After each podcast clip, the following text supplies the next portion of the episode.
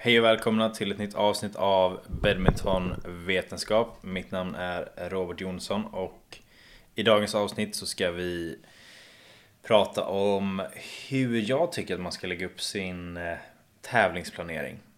Det är eh, inte någonting som jag tycker att man gör så eh, rätt idag om man säger så. Jag tycker man, man ofta bara spelar för att vinna. Vilket kanske låter konstigt att säga att man inte ska spela för att vinna men hela poängen med det som, jag, som den här podden kommer handla om är ju liksom hur ska man spela för att eh, vinna på kort sikt, bli bättre på lång sikt. Hur ska man, hur ska man spela för att eh, hur, ska man, hur ska man lägga upp sin säsong snarare? Sitt år för att bli bättre. Och eh, det kommer vi att, att gå igenom idag. Eh, sen ska jag också säga att eh, de här, eh, jag spelade in det här avsnittet för rätt länge sen. Jag kommer inte ihåg. Det var några veckor sedan men det blev något fel med ljudet så jag var tvungen att köpa ny utrustning. Sen har jag ju fortfarande, jag förklarade i det avsnittet som inte släpptes då.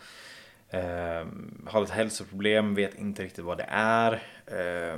läkarna vet inte heller riktigt, det är ingenting så allvarligt nu, jag vill inte bli orolig så men Eh, det är någonting fel med ehm, ehm, um, um, jag, jag, får, jag blir sjuk väldigt lätt så jag, jag har varit sjuk väldigt mycket under hösten hela året. Jag hade nog Jag räknade på det och kom fram till att jag var sjuk liksom Alltså som man var tvungen att vara hemma sjuk Typ mer än Det var mer än Typ 17 gånger förra året och då snackar vi liksom kanske Eh, alltså det kunde ta allt ifrån tre till två veckor att bli frisk. Så det var, det var inte jättebra år på det sättet.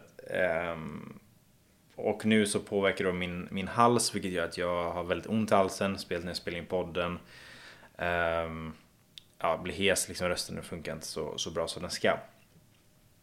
Så det, det, var, det var de lite så tråkiga nyheterna om man ska säga så. Men eh, nu så, så, så är vi tillbaka och eh, förhoppningsvis så, så kommer vi att eh, skapa magi igen. Och med det sagt så ska vi köra igång dagens avsnitt som kommer handla om tävlingsplanering.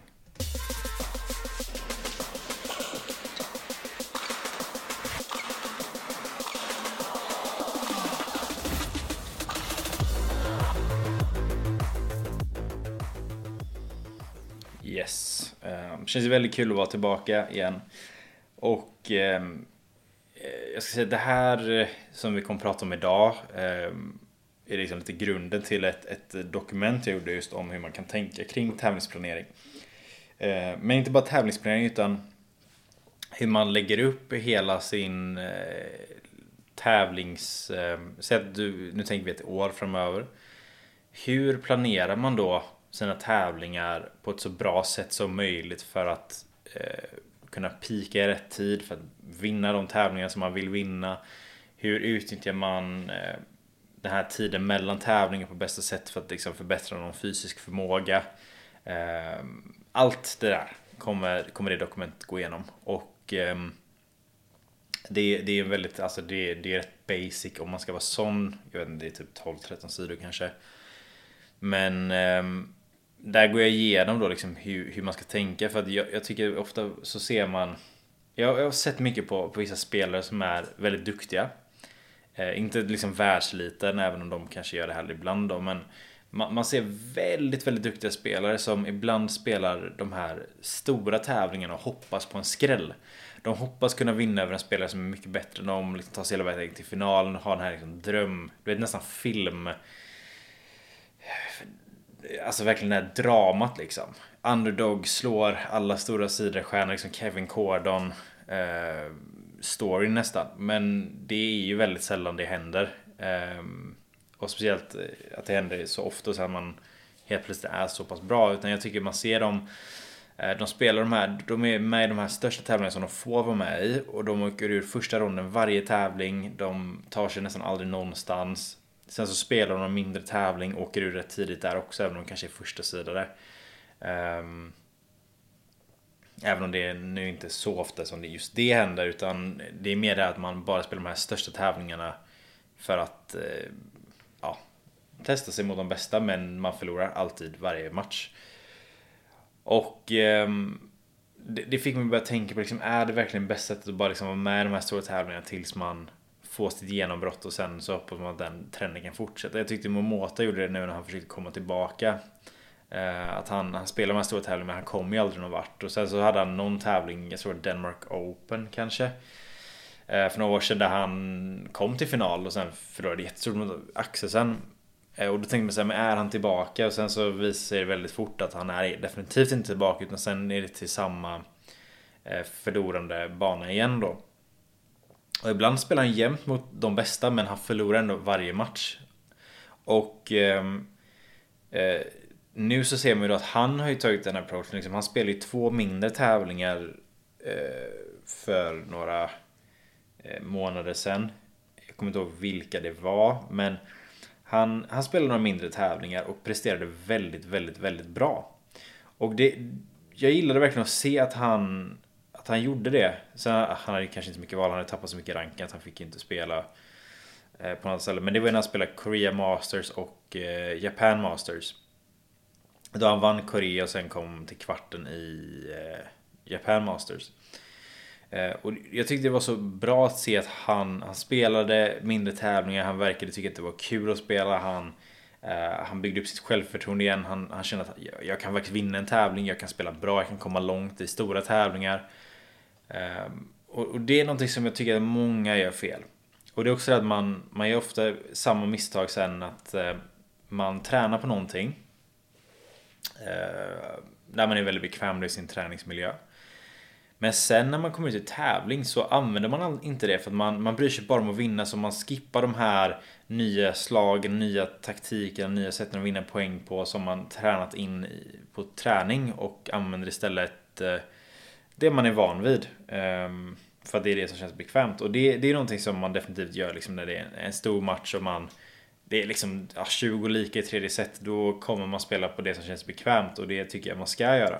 Det här handlar mer om att om vi vill bli bättre på lång sikt då måste vi ibland våga eh, se sämre ut för att vi, vi testar någonting nytt. Vi testar eh, ny spelstil, eh, försöker förstå oss på liksom hur någon annan spelar. Eh, och det, det, tycker jag att man, man ofta missar. Och i det här dokumentet, så vi pratar också mycket om det här och jag ska förklara det nu så att ni verkligen förstår vad jag menar med det. Att vi behöver spela mot i tävlingsmiljö så behöver vi spela mot spelare som är mycket sämre än oss. Vi behöver spela mot spelare som är på samma nivå och mot de som är mycket, mycket bättre än oss. Det är viktigt att man får den mixen av spelare som man kan möta. När du spelar mot de som är sämre än dig själv, mycket sämre än dig själv, då kommer du lära dig vad dina styrkor är och vad du vinner poäng. Eh, uh, är man offensiv så kommer man verkligen känna att ja, smashen är, det är där jag vinner poäng. För det är uh, så man kommer spela mot dem. Sen finns det alltid lite så här undantag och så. Det är inte en exakt vetenskap så där. Det är inte hundraprocentigt men det är ofta så det funkar. Man lär sig sina styrkor när man spelar mot dem sämre. Man lär sig sina svagheter när man spelar mot dem mycket, mycket bättre för att de kommer utnyttja dina svagheter till 100%. Och sen när du spelar mot de som är ungefär lika bra som dig så kommer man verkligen bli testad på alltså både fysiskt, mentalt. Man kommer tvungen att lära sig verkligen ha den här sista lilla edgen för att kunna vinna eh, de matcherna. Och det, det är någonting som är väldigt viktigt att, att inte glömma att vi måste ha alla tre bitar. Vi kan inte bara spela med de som är bättre och sen tänka att ah, men jag är nära liksom, och så förlorar man. Och så man, man kanske förlorar 21, 18, 21, 19 i varje set sådär. Men man, man är nära. Men det är fortfarande väldigt, väldigt långt ifrån. Eh, jag har haft sådana stunder mot väldigt duktiga spelare. Betyder definitivt inte att vara i närheten av dem egentligen. Eh, det är... Eh, eh, det är, bara, det är bara så stora skillnader liksom att ta de här sista, sista biten och vinna sista, den sista procenten liksom. Det är mycket mer än vad man tror. Så det kan se bra ut på papper. Ja men shit han fick 21, 18, 21, 19 mot den här som är skitbra. Ja men eh, fortfarande förlust för det är så stor skillnad ändå. Eh, så det ska man faktiskt inte glömma även om man ska vara glad över de bra prestationerna men man får inte glömma av den, den viktiga detaljen. Sen Eh, så ska jag också ta som ett exempel att om vi bara spelar tävlingar för att vinna. När vi kollar på till exempel Antonsen, nu tar vi proffs som ett exempel han spelade typ 2018-2019 den säsongen så var han väldigt framgångsrik för att han var otroligt snabb framåt efter ett offensivt slag generellt då en smash. Han var väldigt snabb på att följa upp på nät. Vilket gjorde att han var en av få som faktiskt kunde konkurrera mot eh, Momota på den tiden. För han var så farlig när han kom fram. Eh, han var snabb fram och han hade mycket variation för han hade väldigt bra teknik. Och nu har han ju liksom sen sina skador så har han ändrat om sin spelstil lite grann. Han kan fortfarande spela på det sättet men nu är han mycket mer avvaktande. Eh, spelar mer taktiskt, eh, lite längre bolldueller, inte lika rastlös generellt sett. Men säg att han nu skulle liksom lägga mycket fokus på sina träningspass med att han verkligen ska, ska lägga in det här momentet med att vara väldigt aggressiv fram och skapa farliga situationer där. Säg då att han skulle göra det och han blir svinbra på det. Han börjar liksom med en multiövning. Eh, bara för att få liksom upp tempo och uthållighet. Liksom bara känna på alla variationer man kan. Sen går över till med enbollsgrejer, Till att gå över två mot en kanske. Eh, till sen börja spela matcher med det. På träning. Och det funkar hur bra som helst. Han verkligen har bemästrat den delen. Om man sen går vidare från det till att eh, åker ju typ och spelar sina tävlingar. Han spelar de här, allt från Super 500 upp till Super 1000 och VM och OS och allt det där. Om han fortfarande inte har eh, om han inte vågar ta med sig det i tävlingar, det han precis har tränat på, då har ju de träningspassen varit i stort sett slöseri med tid för att han, han kommer inte, han kommer aldrig få in i sitt spel ändå. Så han kan det. Han har absolut fått liksom bra fysisk träning men han har inte fått någonting som man kan ta med sig in i matchsituation. Eh, och det är för att man inte har vågat testa det då på i, i tävlingssammanhang eh, mot väldigt duktiga spelare. Nu kanske inte det är ett helt rätt exempel för det är ofta man hamnar i situationer man faktiskt följer med fram på nät men ni förstår principen att om vi inte faktiskt försöker få med det in i en tävling så kommer vi inte använda det mot spelare som verkligen pressar oss till vår gräns.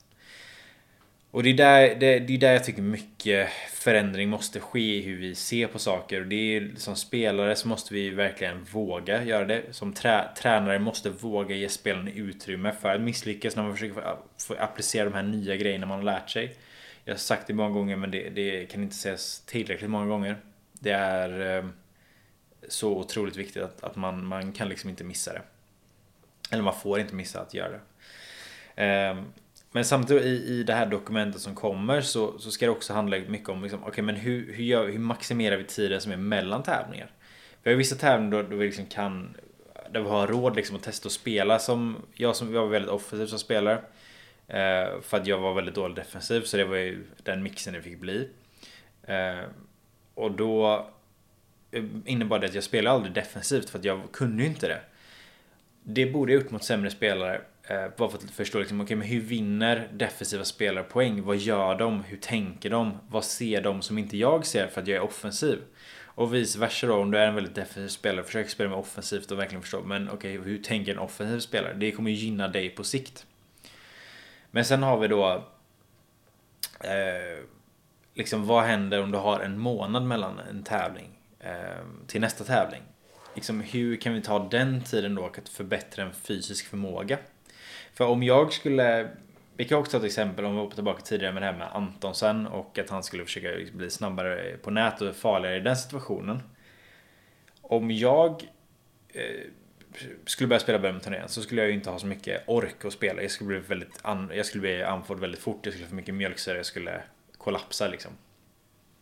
Och Uh, om vi säger att jag, jag inser att okay, men det, det, är fel, jag måste verkligen träna upp min, uh, min aeroba förmåga och sen liksom vidare med anaeroba och allt, allt vad det är. Uh, om jag liksom skulle börja gå ut och verkligen, om jag tränar jättemycket aerobt, liksom, jag, jag jobbar verkligen på den biten. och sen kommer jag tillbaka och så blir jag fortfarande lika andfådd.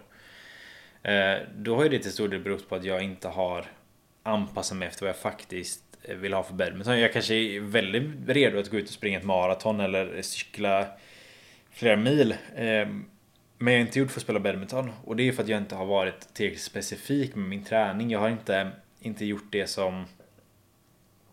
Eh, som faktiskt, alltså, jag har gjort det som har varit eh, nyttigt men jag har inte gjort det på rätt sätt.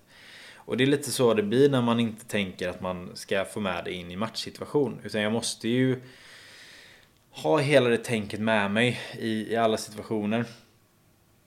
Att eh, det faktiskt ska gynna eh, på sikt. Och eh, då när vi, eh, när vi kommer till, till just det här med att tänka med tävlingar så är det okej, okay, hur, var ska de här viktiga tävlingarna ligga i säsongen? Var ska de mindre viktiga tävlingarna ligga? Eh, när vill jag pika? Okej, okay, hur lång tid har jag mellan de här och vad kan jag hinna faktiskt med att göra då rent fysiskt? Eh, är det en period jag bara försöker bibehålla min fysik? Är det en period jag försöker förbättra min snabbhet, spänst? Är det en period jag bara försöker förbättra min eh, aeroba förmåga? Eh, är det mer mjölksyreträning? Liksom, vad är det vi jobbar på?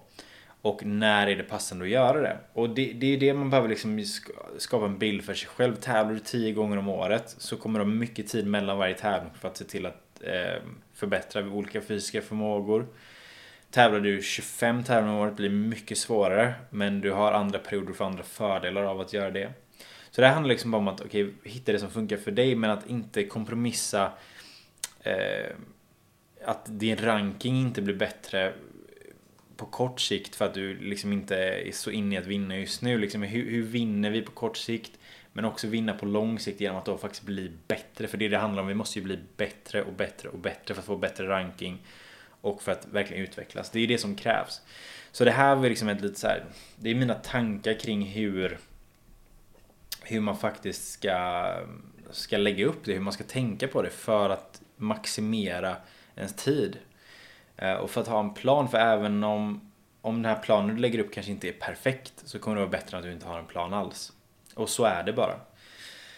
Och därför hoppas jag att jag på något sätt kan eh, skapa någon ny tanke i ditt huvud, skapa en dialog. Jag ser jättegärna att någon eh, eh, lyssnar på podden, lägger ut någon, startar, startar en egen podd, säger att jag är helt fel så vi kan starta en diskussion om det. Um, för det, det tycker jag saknas. Eh, så att vi, vi måste tillsammans prata mer om det. Jag kommer också börja intervjua folk mer snart. Eh, mer säger jag, som jag jag gjort innan. Men eh, det, det kommer att hända. Så eh, ja, men det tack så mycket för, eh, för er tid. Eh, jag kommer att lägga ut poddar typ två gånger i månaden hoppas jag. Det beror på hälsan och så. Eh, lite tråkiga personliga grejer som har hänt nyligen som jag måste ta hand om också. Men eh, Ehm, tack för att ni har lyssnat. Vi hörs snart igen.